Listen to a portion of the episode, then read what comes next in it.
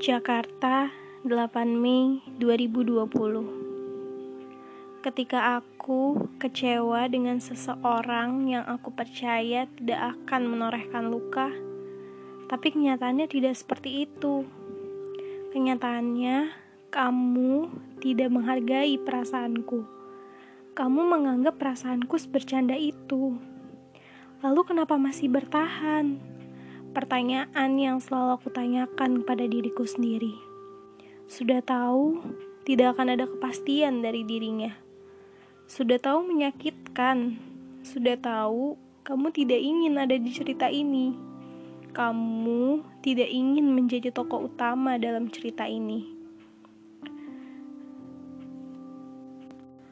Aku harus mencoba merelakan, belajar untuk tidak peduli lagi jika kamu menghilang seperti kemarin, sudahlah, tak perlu ku kejar.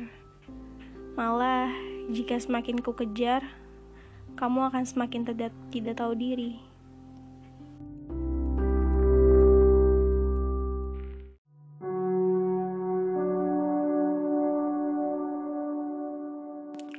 Jakarta, 13 Mei 2020 Kenapa?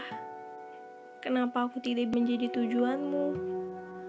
Kenapa aku tidak bisa menjadi yang kamu inginkan? Awalnya, kukira tujuanmu adalah aku. Ternyata aku salah. Kamu sedang berada dalam perjalanan menuju. Kamu butuh istirahat, dan kebetulan ada aku di situ. Gak apa-apa Kan aku sudah terbiasa dengan kedatangan, lalu kemudian ditinggalkan. Aku sudah mahir merawat hati yang dipatahkan. Sudahlah, sepertinya memang harus kita sudahi perjalanan yang bahkan belum kita mulai. Kan beberapa rasa memang harus selesai sebelum dimulai, sebelum semuanya semakin rumit, sebelum aku aku terlalu dalam pada hal-hal yang berpotensi menyakitiku. Kamu lanjutkan saja perjalanan yang sempat tertunda itu.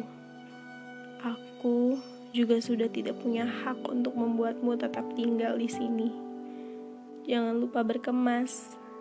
Tidak perlu merapikan apa pun. Hatiku, rumahku, biar menjadi urusanku dengan diriku sendiri.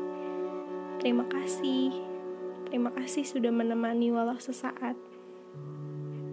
Terima kasih sudah singgah walau tak sungguh.